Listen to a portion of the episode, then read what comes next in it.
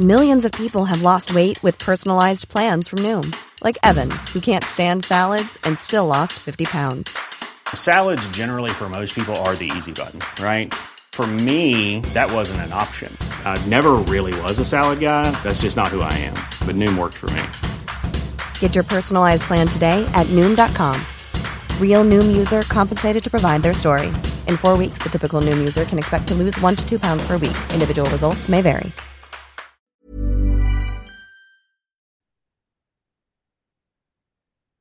Halo pendengar GGMI Podcast, baik lagi bersama kita bertiga. Dan pada episode kali ini kita mau merayakan duka cita ya. Karena MU yang setelah dua minggu vakum bermain harus menelan pil pahit untuk terkena serangan dadakan yang akhirnya dilakukan sama Newcastle dengan kekalahan 2-0.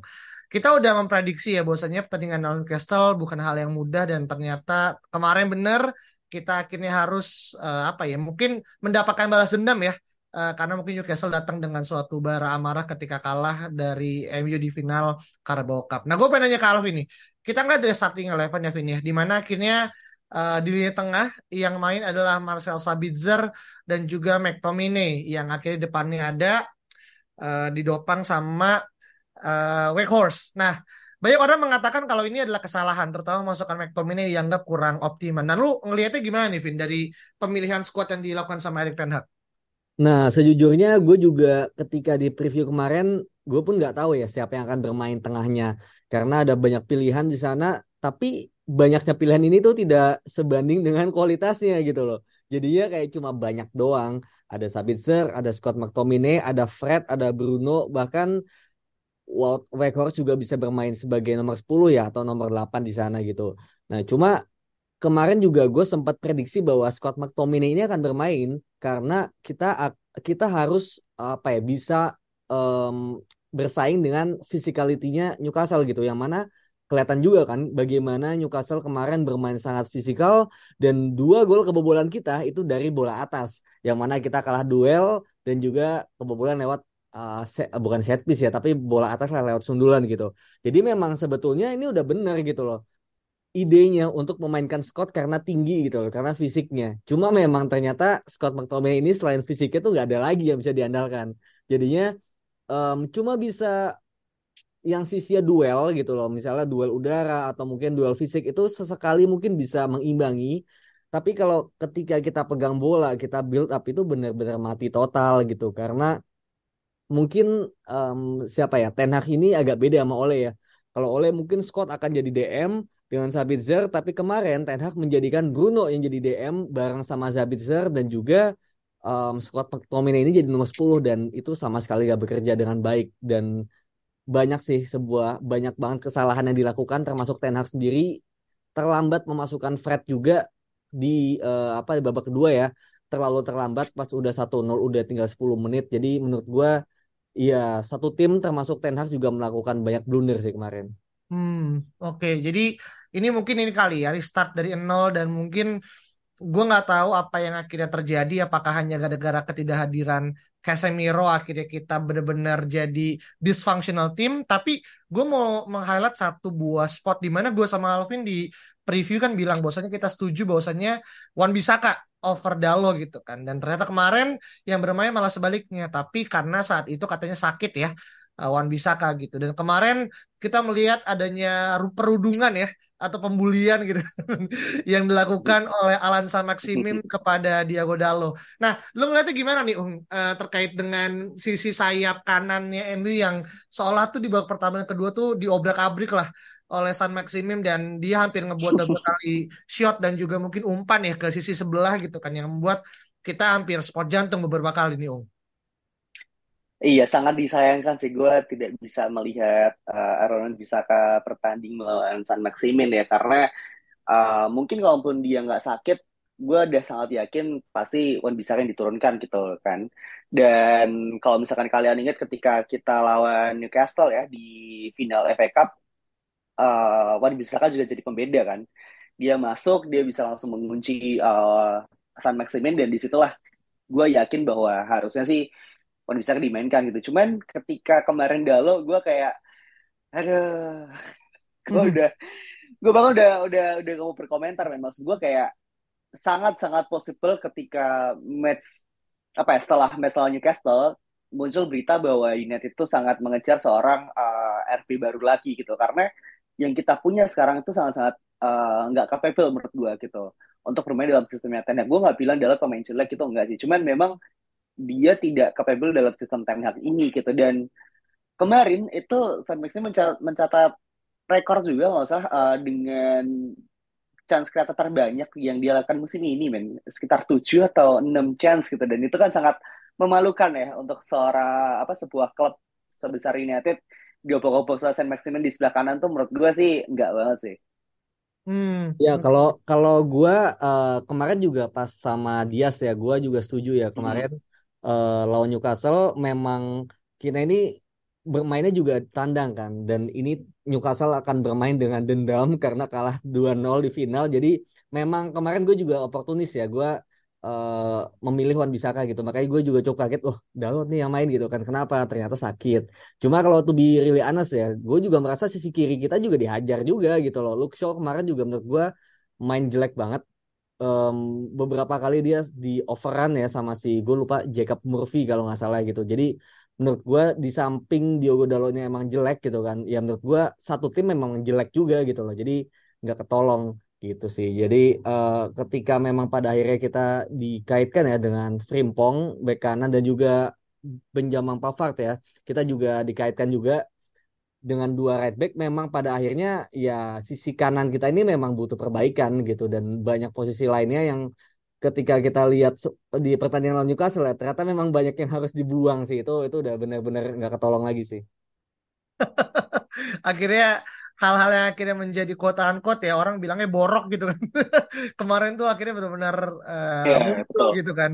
Dan sisi kanan tuh ada sisi yang paling terlemah gitu. Dan kalau misalkan kita ngelihat secara permainan kita kalah as in secara banyak hal ya.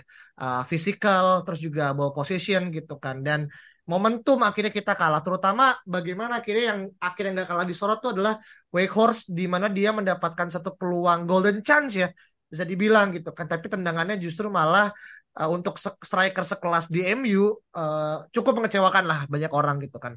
Lu ngelihat apa yang terjadi pada Wakers? Ini adalah tren penurunan. Dalam arti dia kan seperti diluluhkan kan bahkan ada yang bilang udah kasih aja kontrak permanen gitu kan. Dia udah menunjukkan uh, skill dia terbaik segala macam gitu kan. Atau siapa tuh yang bilang Waduh. Biasanya Ferdinand sih yang kayak gitu ya. Iya iya iya iya iya. Ada ada yang bilang dia unsung hero dan kemarin ternyata uh, dia kan digantikan kan sama Anthony Martial yang banyak orang ngerasa Anthony Martial harus main dari awal gitu karena ya at least impact yang diberikan menurut gue dari berapa 30 menit dia main cukup kelihatan lah walaupun still ya dia dua bulan off tentu ada beberapa hal uh, ini apa adjustment tapi lu ngelihat Wakehorse kemarin bermain dan dia membuang satu peluang yang harusnya MU leading ya uh, segala macam apa yang ngelihat Vin? Iya Wakehorse menurut gue kemarin nggak terlalu golden chance ya menurut gue ya karena sudutnya memang sempit tapi memang ya he could have done better sih menurut gue gitu. Rather than dia ke sudut sempit harusnya dia ke tiang jauh aja. Kalau Rashford mungkin bakal ke tiang jauh ya. Itu mirip golnya lawan Leicester kalau nggak salah di gol pertamanya gitu. Jadi kalau Wakehorse gue nggak tahu ya. Gue merasa kita ini gini gini. Ingat nggak kalau mis gue lupa ya ada saung atau enggak tapi gue ingat banget gue pernah bilang di bulan lalu atau dua bulan lalu yang mengubah MU dari musim lalu ke musim ini itu bukan Anthony bukan juga Martinez, tapi Casemiro dan Erikson gitu loh. Dua pivot kita ini yang benar-benar mengubah. Yang tadinya dari McFred menjadi Casemiro dan Erikson gitu. Itu yang benar-benar bikin MU kita tuh bagus gitu dan banyak hal-hal yang sebetulnya itu jelek tapi bisa ketutup sama dua pemain ini gitu loh. Nah, ketika dua-duanya absen barengan gitu loh. Ketika Erikson keluar, oke okay lah masih bisa digantikan sama Bruno, sama Fred masih bisa. Tapi ketika Casemiro juga absen, nah udah kita tuh udah udah kacau balau lah menurut gue gitu. Kayak udah nggak ada nyawanya lagi di tengah gitu, nggak ada yang bisa menggantikan mereka sama sekali. Bahkan ya apa ya, kayak udah sejelek itu permainannya. Itulah yang bikin menurut gue ya mentalitas dari MU tuh langsung turun gitu loh. Literally satu tim ketika memang Casemiro ini nggak main gitu loh. Jadi security-nya di tengah itu nggak ada. Bahkan Bruno pun nggak bisa membuat hal itu terjadi gitu loh. Bagaimana rasa aman itu pemain-pemain MU dari mulai penyerang back itu nggak ada gitu ketika Casemiro tidak bermain. Menurut gue itu. Lawan Fulham kemarin yang kita menang 3-1 ya di perempat final apa namanya FA Cup itu pun menurut gue harusnya kita kalah men gitu loh. Itu mirip sama lawan Newcastle kemarin. Cuma bedanya tiba-tiba kita dapat hadiah tiga orang kartu merah kan termasuk pelatihnya. Jadinya kita bisa langsung uh, dari kalah 1-0 jadi 3-1 tapi kemarin gitu itu nggak ada hadiah kayak gitu lagi dan sangat pantas kita kalah. Jadi sebenarnya warning ini tuh udah ada di lawan Fulham. Dan di Fulham itu nggak ada Casemiro gitu. Jadi memang menurut gue entah kenapa ya satu pemain itu benar-benar secara mungkin presence-nya untuk lawan juga jadi apa ya lawan jadi lebih berani dan kita malah jadi lebih inferior gitu loh. Nggak cuma dari sisi taktik ternyata dari sisi mental juga pengaruh itu menurut gue ya gitu. Hmm oke. Jadi ada banyak faktor yang akhirnya ngebuat bosannya uh, Wakehorse bukan satu-satunya penyebab Betul. akhirnya kita bisa ini tapi ada banyak dua hal terutama ya ketidakadaan Erikson dan juga Casemiro yang justru malah overhauling eh, MU system yang jujur malah akhirnya sekarang jadi lacking gitu kan. Tapi ini pun juga sesuai dengan apa yang Ten Hag berikan ya secara uh, press conference kan pasca dari event. Bahwasanya dia ngerasa di sisi kiri itu seolah mati gitu kan. Yang akhirnya ngebuat ini mungkin secara spesifik kritik ini jatuh kepada Marcus Rashford yang uh, kemarin kita hampir nggak ngeliat ya dia secara apa ya keseluruhan gitu. Dia pun juga jarang melakukan tusukan kalaupun dia ngelakuin pergerakan juga gampang terbaca gitu. Yang mana ngebuat mungkin ini yang menjadi jangan sampai ya semoga gue salah tapi jadi anti klimaks dari apa yang akhir Rashford lakukan selama mungkin selama semusim ke belakang gitu kan. Tapi dengan hasil kemarin itu ngebuat MU akhirnya harus turun peringkat ke peringkat kelima. Meskipun secara poin sama ya kita dengan Newcastle dan juga Tottenham dan untung Tottenham kemarin seri ya melawan uh, Everton gitu kan. Yang mana juga diselamatkan sama ex main MU juga Michael Keane gitu. Tapi gue ngerasa ini adalah suatu momen yang harus disikapi dengan bijak. Karena kalau enggak ya kita akan terlempar gitu dari uh, zona Liga Champions meskipun kita masih punya harapan untuk dapat uh, tiket dari uh, Eropa gitu kan. Dan ini juga jadi hal yang nggak mudah karena di minggu ini juga ya di hari Kamis pagi kita harus melakukan eh, laga yang tidak mudah yaitu melawan Brentford. di mana kita tahu Brentford juga dalam kondisi yang sangat prima gitu kan di musim ini dan beberapa pemain yang menurut gue cukup menjadi highlight. Nah gue nanya ke Saung nih Ung, kira-kira dengan match melawan Brentford besok, apakah Ten Hag akan mengalami kekalahan beruntung ketiga di uh, sorry ya ketiga karena di Liga Inggris ya karena kan ekskut dari uh, apa namanya Fulham yang main di Eva atau ini adalah momen kebangkitan ini untuk sekali lagi giving a time masuk ke empat besar nih Ung. Ya kalau misalkan si Ten Hag kemarin kan bilang kan uh, April ini seharusnya jadi uh, apa ya namanya awal bahwa musim ini tuh udah dimulai nih gitu kan. Karena uh, ketika awal musim kemarin, Ten Hag sempat bilang di bulan April kita harus ada dalam posisi di mana kita udah secure top 4 dan juga punya chance untuk menangin trofi gitu. Oke kita udah menang satu trofi nih gitu. Cuman untuk memenangkan trofi kembali ataupun uh, secure top 4 pada minggu-minggu ini ya gue gue melihat hal itu tuh sangat agak kabur nih men harapan itu sebenarnya gitu karena ya kembali lagi gitu kan squad kita tuh sangat tipis dan gap antara uh, starting pemain ini dengan baris keduanya dengan bench itu jauh banget coy bahkan kalau misalkan uh, teman-teman lihat ya kemarin kayak bagaimana penampilan seperti kayak uh, McTominay gitu atau mungkin Dala atau mungkin Weghorst atau mungkin banyak pemain yang lain bahkan Ten Hag juga nggak mau nyebut pemain itu siapa tapi kelihatan lah bahwa kualitasnya tuh sangat jauh gitu. Nah, Brentford gitu kan sebagai sebuah klub yang memiliki andil cukup besar gitu ya uh, di awal musim kemarin dengan membantai kita 4-0 sih harusnya apa ya uh, kita punya motivasi lebih sih untuk memberikan pelajaran lah setidaknya dan juga mohon kebangkitan bahwa kita tuh tidak seperti klub yang Brentford lawan sebelumnya gitu loh.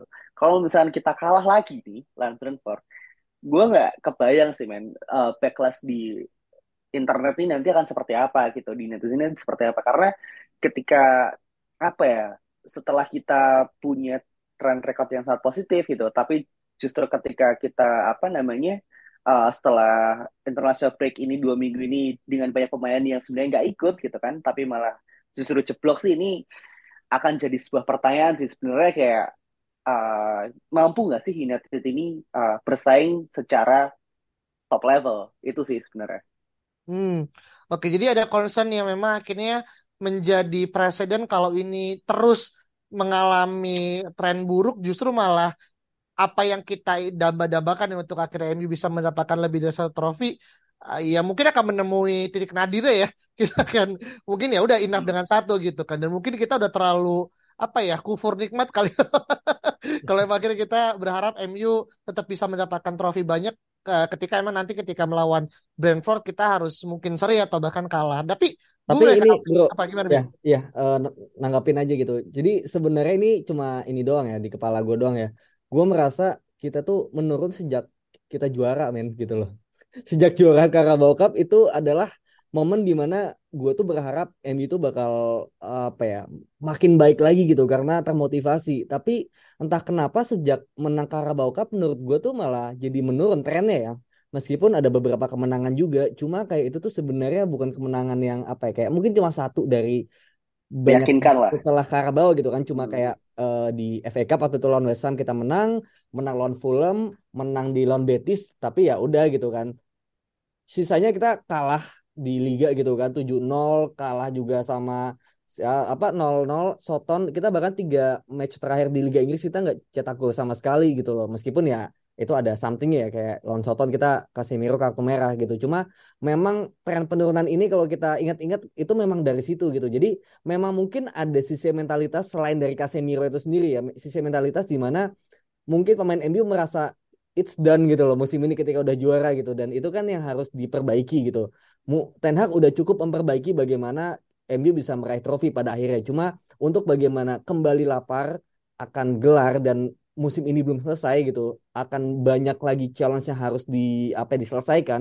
Menurut gue itu PR selanjutnya bagi Ten Hag gitu. Apakah bisa bangkit atau enggak dan international break kemarin kan sebetulnya adalah momen yang tepat gitu loh untuk pada akhirnya kita bisa meraih kembali kemenangan dan ke jalur yang benar gitu. Cuma sayangnya karena lawannya Newcastle kemudian nggak ada Casemiro itu tugasnya sulit dan gue juga sangat-sangat berharap ya lawan Brentford ini bisa menang meskipun gue harus mengakui ini susah banget dan gitu loh. Brentford pressingnya bagus sangat compact dan kita tahu sendiri.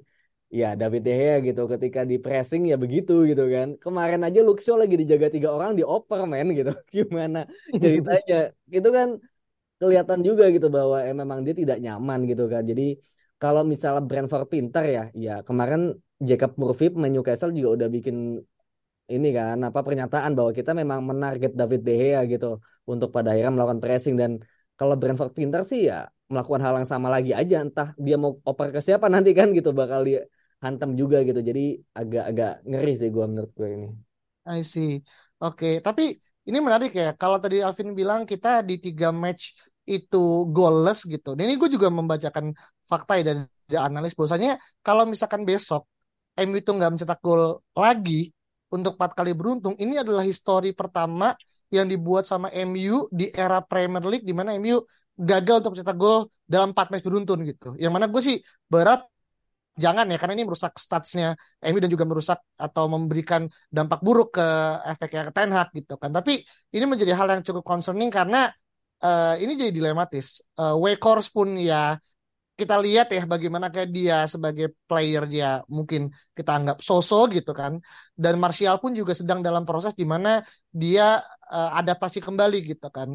Walaupun besok nanti akan uh, apa ya main di kandang dan di mana akhirnya kalau misalnya kita ngelihat stats Brentford nih untuk kan dia mencoba untuk melakukan back to back win ya. Uh, dia dimenang di kandang dan sekarang dia main ke di mana terakhir kali Brentford melakukan back to back win dengan MU itu di 86 tahun lalu gitu. Sebenarnya cukup lama nih kalau uh, apa Brentford pengen lakuin hal yang sama gitu kan. Meskipun chance terbuka. Alvin bilang tadi kayak mentargetkan David De Gea sebagai titik lemah MU gitu. Hmm.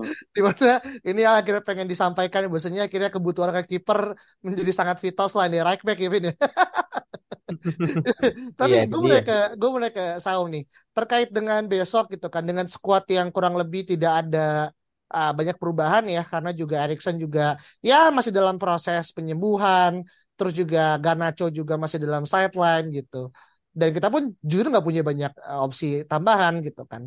Nah lo ngelihat dengan adanya game kemarin ditambah kemarin juga Antonio sempat uh, ketika ditarik ya sempat ada proses emosi dan juga Mart, Martinez juga sempat emosi juga nggak tahu tuh karena sempat kepotong apa namanya di matchnya gitu. Nah lo ngelihat apa starting eleven yang terbaik untuk diturunkan sama Tenak di besok nih Starting eleven terbaik uh, yang punya kesiapan untuk menang sih sebenarnya. Karena tadi yang Alvin udah bilang ya gue setuju sih.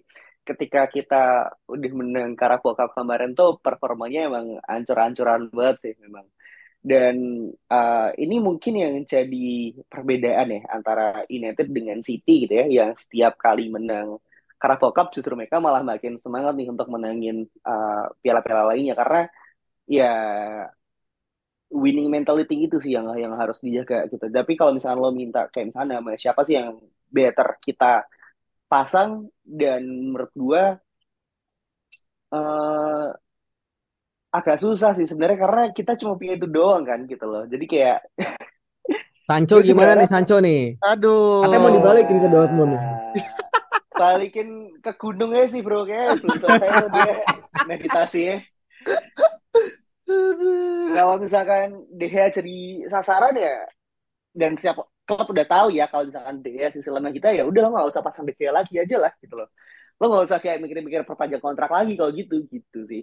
Dan weaknessnya tuh sangat-sangat ketara men gitu. Dia oke okay dalam segi uh, shot stopping ya tapi dia nggak bisa build up dari belakang. Dan ini yang sering kali dimanfaatkan oleh uh, musuh gitu. Dan Thomas Frank dan juga Brentford pasti udah pasti akan hampir-hampir mirip tuh sama Newcastle kemarin. Dan kalau misalnya kita bisa apa ya uh, bikin elemen of surprise gitu ya dengan masukin Tom Hinton sih gue akan sangat salut sih. Tom Hinton cedera bro. Waduh, waduh. ya debut lah ya Jack Butland ya Idi. oh iya bener anjing Jack Butland masih ada Kemarin ada tuh di, eh. di substitute tuh pas lawan Newcastle kan dia kan? Hmm segala macam gitu. Tapi ya berarti kalau apa yang gue tangkap dari Saum sebenarnya untuk harapannya mungkin nggak begitu banyak ya dan kita nggak bisa berharap pada miracle pemain-pemain yang ada apalagi kan ya nama Sancho kan nih mulai menjadi sorotan ya karena katanya ya dari yang kita baca di rumor kan Tenak udah mulai kehabisan kesabaran ya. gue nggak tahu tuh bener apa enggak dan kadang ya hmm. apalagi MU ya uh, setiap kali ada hal yang besar ataupun kecil langsung digoreng dan Uh, semoga sini bukan menjadi awalan yang uh, buruk ya untuk Sancho. Akhirnya dia baru kembali dari meditasi, justru malah mendapatkan uh, quote apa ya berita yang nggak baik gitu kan. Tapi kalau kalau apa, gua, ya uh, tadi kan Saung udah bilang ini ya tentang line up ya. Kalau gue ya, gue inget line up kita pas kita gagal build up di lawan Leeds di home, kemudian di away-nya kita tuh bikin surprise dengan kita mainin Harry Maguire dan Luke Shaw di back tengah gitu. Jadi menurut gue itu juga bisa menjadi satu hal yang dicoba ya. Dan mungkin bukan Luke Shaw ya, tapi tetap Martinez dan kirinya gue mau melihat tuh Malaysia. Karena Luke Shaw ini gue nggak tahu ya kayak lagi agak menurun juga gitu sejak Carabao Cup gitu. Apalagi dia habis perpanjang kontrak dan ya nggak tahu ya gue kayak di kepala gue biasanya habis perpanjang kontrak gitu malah menurun gitu loh. Karena udah aman gitu kan. Jadinya menurut gue apa ya Malaysia ini butuh butuh dikasih kesempatan juga gitu. Kita ingat Luke Shaw di awal musim juga sempat jelek kan mainnya lawan abis lawan Brentford dan itu abis itu Malaysia dimainin berapa match beruntun gitu. Dan akhirnya itu bikin show akhirnya bisa naik lagi sampai sekarang gitu jadi menurut gue di sini uh, Ten Hag harus berani melakukan hal-hal yang uh, bukan mengejutkan ya tapi biar posisi para pemain ini nggak aman. Contohnya tadi Luke Shaw diganti sama Malaysia. Kemudian Varane juga kemarin gue nggak bilang jelek tapi kalau misalnya masalah build up ya Maguire lebih bagus itu. Why not kita mainkan Maguire dan juga uh, Martinez atau Lindelof gitu yang dari sisi build up juga lebih bagus. Biar kita nggak apa ya, udah kiper kita nggak bisa passing gitu. Ya Varane juga nggak bisa passing juga gitu loh. Nah ini kita harus ganti dengan Maguire atau Lindelof tuh menurut gue ya gitu. Kalau tengah sih jujur gue gua no idea ya, gue nggak tahu sama sekali apakah Sabitzer yang pasti gue nggak mau lihat McTominay lagi gitu, main dulu gitu kan. Gue Scott McTominay diasingkan dulu aja gitu. Gue pengen lihat Fred gitu karena ya Fred ini di lebih maju aja menurut gue, jangan di belakang tapi lebih maju aja gitu. Mungkin di nomor 10 meskipun kita tahu ya Fred ini lebih bagus ketika jadi super sub. Tapi kalau kelamaan dimasukin ya telat-telat juga kan gitu. Jadi menurut gue Sabitzer, Bruno dan juga Fred dan depannya menurut gue Anthony Martial bisa harusnya sih udah siap bermain ya dan Anthony di kanan kiri Rashford menurut gue tuh udah yang terbaik sih. Oke, jadi lebih kepada overhaul changesnya lebih di belakang, di tengah uh, mengas mengesampingkan uh, Tomine atau bahkan mengirimkan Tomine ke ini ya gurun gobi ya untuk dia akhirnya bermeditasi dan akhirnya mengetahui apa letak kesalahannya. Gitu. Padahal padahal dia di Scotland jago loh dan dia mainnya sebagai back malahan. Nah itu yang ya. jadi aneh kan yang akhirnya dia udah sistemnya bro sistemnya kan nah. beda Scotland kan pasti mainnya kan nggak kayak Ten Hag kan pragmatis ya iya cocok-cocok aja jadinya makanya diincarnya sama Newcastle kan yang mainnya gitu-gitu juga kan iya dan dan tadi pun gue baca ya kalau agak sedikit melebar ke Newcastle lagi gue baca di apa namanya ada Atletik kalau sebenarnya kepindahan McTominay ke Newcastle tuh adalah perfect match untuk Sam Longstaff sebenarnya gitu. Ya gue nggak tahu ya apa yang gimana akhirnya tapi ininya menurut gue sih selama dia cabut di akhir musim sih mau ke mana nggak masalah. Ya syukur-syukur ke Newcastle. Harusnya kemarin adalah momen untuk dia bisa show off ya atau bahkan sengaja untuk ya udahlah gue kalahin aja deh biar akhirnya Newcastle itu main di Liga Champion gitu kan. Gue pindah ke sana. Jadi kita nggak pernah tahu apa yang akhirnya ada dalam pikiran McTominay. Cuman besok adalah uh, gue setuju uh, Fred over McTominay all the time gitu kan. Walaupun emang kadang uh, Fred ini tadi ya dan lagi akan lebih cocok kalau dia masuk ketika uh, pemain musuh tuh udah habis ya nafasnya gitu. Kalau udah setengah habis lah dia bisa langsung nggak ngobrol abrik. Tapi well situasi darurat, keadaan kahar jadi mau nggak mau akhirnya Emir, harus melakukan tindakan. Atau bahkan kita bisa memainkan Zidane Iqbal bro. Waduh. Dia pas main di i, apa Irak ya. Dia main cukup bagus kan uh, main yeah. di first team eleven gitu kan. Gue nggak tahu ya ini mungkin terlalu radikal gitu kan atau memberikan menit di menit 80 why not gitu kan. Oke, okay. nah tapi gue mulai ke Saul nih, Ong. Ini kan uh, kalau kita mm-hmm. ngelihat ya dari ke, uh, pertandingan pertama antara Brentford dan juga Emi di mana kita kalah 4-0 ya. 13 hmm. Agustus 2022 tuh tanggal paling keramat buat MU. Di mana kita kejebolan hmm. sama Josh Da Silva, Matthias Jensen, Ben Mi dan juga Brian Biono gitu. Bahkan nih nggak ada nama Ivan Toni gitu kan. Yang mana mungkin bisa jadi salah satu senjata matikan kan untuk Brentford musim mm-hmm. ini gitu kan. Nah lo ngeliat dengan performanya Brentford di pertandingan terakhir ya. Dia kan nggak usah tiga-tiga ya seri ya. Ngelawan Brighton. Apa? Lawan Brighton. Brighton ya. Segala macam. Mana tuh seru banget ya eh, pertandingannya. Itu lebih seru mm. dibandingkan pertandingan MU Newcastle menurut gua gitu kan sebagai fans yang akhirnya cenderung ke MU kemarin tuh benar-benar jual beli serangannya kenceng banget meskipun ada penalti dua kali ya buat dua belah pihak. Tapi itu kelihatan banget bahwasanya Liga Inggris tuh benar-benar punya apa ya punya signifikansi yang nggak cuma untuk tim besar tapi tim sekelas Brentford dan juga Brighton pun juga menawarkan hal yang sangat baik gitu. Nah melihat pada pertandingan last match yang mereka tiga-tiga gitu, apakah ini cukup bisa dijadikan suatu rujukan kalau Brentford pun juga datang dengan kelemahan terutama di belakang, Ya, betul. Brentford musim ini tuh kayaknya ini ya, uh, rasa-rasanya tuh mirip Wolves musim lalu sih menurut gue. Gimana sering datang terus ganggu gitu loh, ngacak-ngacak gitu kan. Terus tiba-tiba comes up dengan uh, hasil yang mungkin cukup spektakuler gitu. Cuman ketika tadi lo mention-mention nama-nama pemain yang uh, kita tidak terlalu familiar gitu ya, uh, ini justru juga bisa jadi catatan sih bahwa United dengan sistem yang kita punya sekarang itu masih belum uh, final gitu ya, belum fix ini belum final from United dan siapa pun itu punya kesempatan gitu untuk uh, bikin United uh, berduka gitu kan. Jadinya kalau misalnya kita tidak punya uh, kesempatan dan juga motivasi dan juga apa ya formasi yang lebih baik gitu ya dari tim yang kita lawan sih ya bahkan Cristiano Ronaldo pun juga nggak sanggup sih main untuk nge-carry tim ini gitu kan makanya kita kalah 4-0 musim lalu jadinya uh, apa namanya yang gue harapkan adalah gimana caranya Ten Hag itu punya apa ya uh, cara yang bisa bikin squad ini tuh balik ke tengah musim ini sih gitu. Performa yang kita lihat dan juga kita rasakan bahwa United sudah kembali. Seperti itu sih sebenarnya. Karena apa ya uh, mereka tuh para pemain-pemain ini ya mereka udah lari berapa tuh? 17 kilo udah gitu kan. Beberapa pemain udah dikirim ke gunung udah gitu kan. Udah dikasih uh, libur panjang gitu dua minggu gitu kan.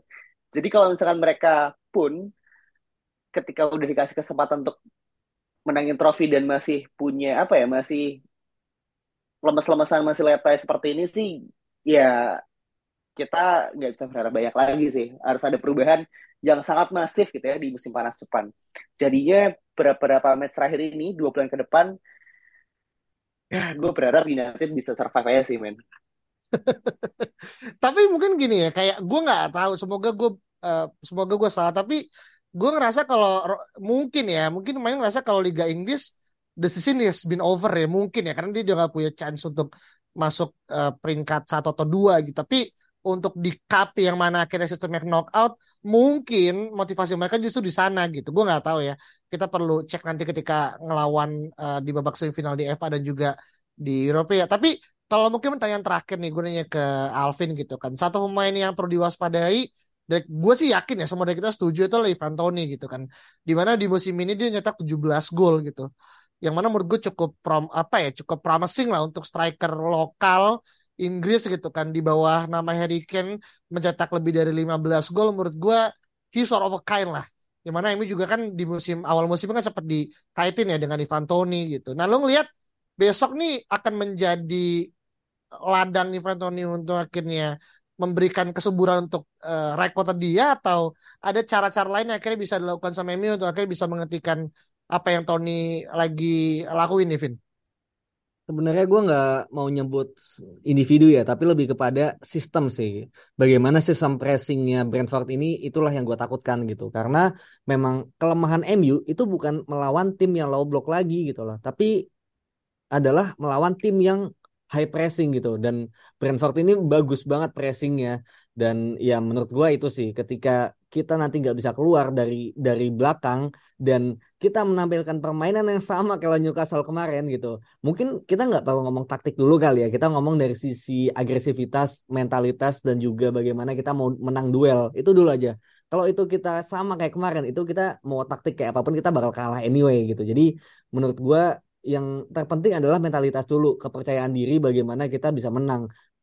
Sekarang gue nggak peduli lah mainnya mau gimana, mau taktiknya kayak apa gitu, mau ugly win, yang penting menurut gue menang dulu aja gitu loh.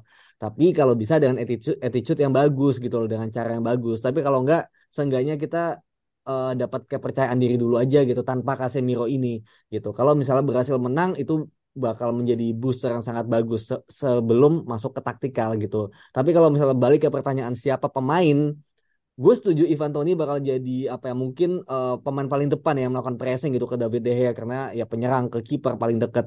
Tapi ya namanya Baumo juga itu dia mainnya di sayap kalau nggak salah sayap kanan sayap kiri itu juga harus diwaspadai dan juga mungkin ya David Raya itu sendiri gitu loh bagaimana kiper yang uh, disangkut pautkan ya dengan kita dan juga dengan beberapa tim seperti Chelsea, Tottenham juga dia bermain sangat bagus kemarin di lawan Brighton juga dia banyak melakukan saves.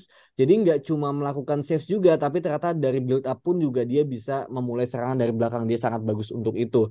Jadi memang di sini menurut gue banyak pemain yang sangat berpotensi sih menyakiti MU ya. Mungkin mungkin Brentford bisa nggak cetak gol gitu, bisa aja kan, atau mungkin tumpul. Tapi bisa jadi ya menyakiti dengan cara kita gagal mencetak gol karena penyelamatan dia gitu sih. Jadi menurut gue tiga pemain itu tadi Tony, Bumo, sama David Raya. Oke, wah ini David Raya ini kan juga namanya lagi hangat ya, lagi santer gitu kan untuk dikaitkan sebagai calon uh, kiper MU di musim depan. Apalagi David Raya juga, kau tahu kontraknya juga udah mau habis kan oh. di Brentford. Jadi ini jadi satu hal yang akhirnya menjadi apa ya bisa dibilang ya inilah ya watch player to watch lah untuk besok apakah kita bisa melakukan player scout untuk Tony dan juga Raya gitu kan why not kalau memang mereka akan tampil bagus menurut gue masuk ke MU sih dengan levelnya mereka gue sih very welcome ya apalagi harus dibandingin sama De Gea uh, mungkin eranya udah beda gitu kan di musim sekarang gitu. Mungkin itu aja teman-teman terkait dengan preview dan juga review. Kalau teman-teman ada poin berbeda silahkan langsung aja balas uh, reply tweet kita di @ggmi podcast dan jangan lupa kasih bintang 5 dan follow Spotify kita di ganteng-ganteng Manchester United Podcast. Kita ketemu lagi pada episode berikut ya. Bye-bye.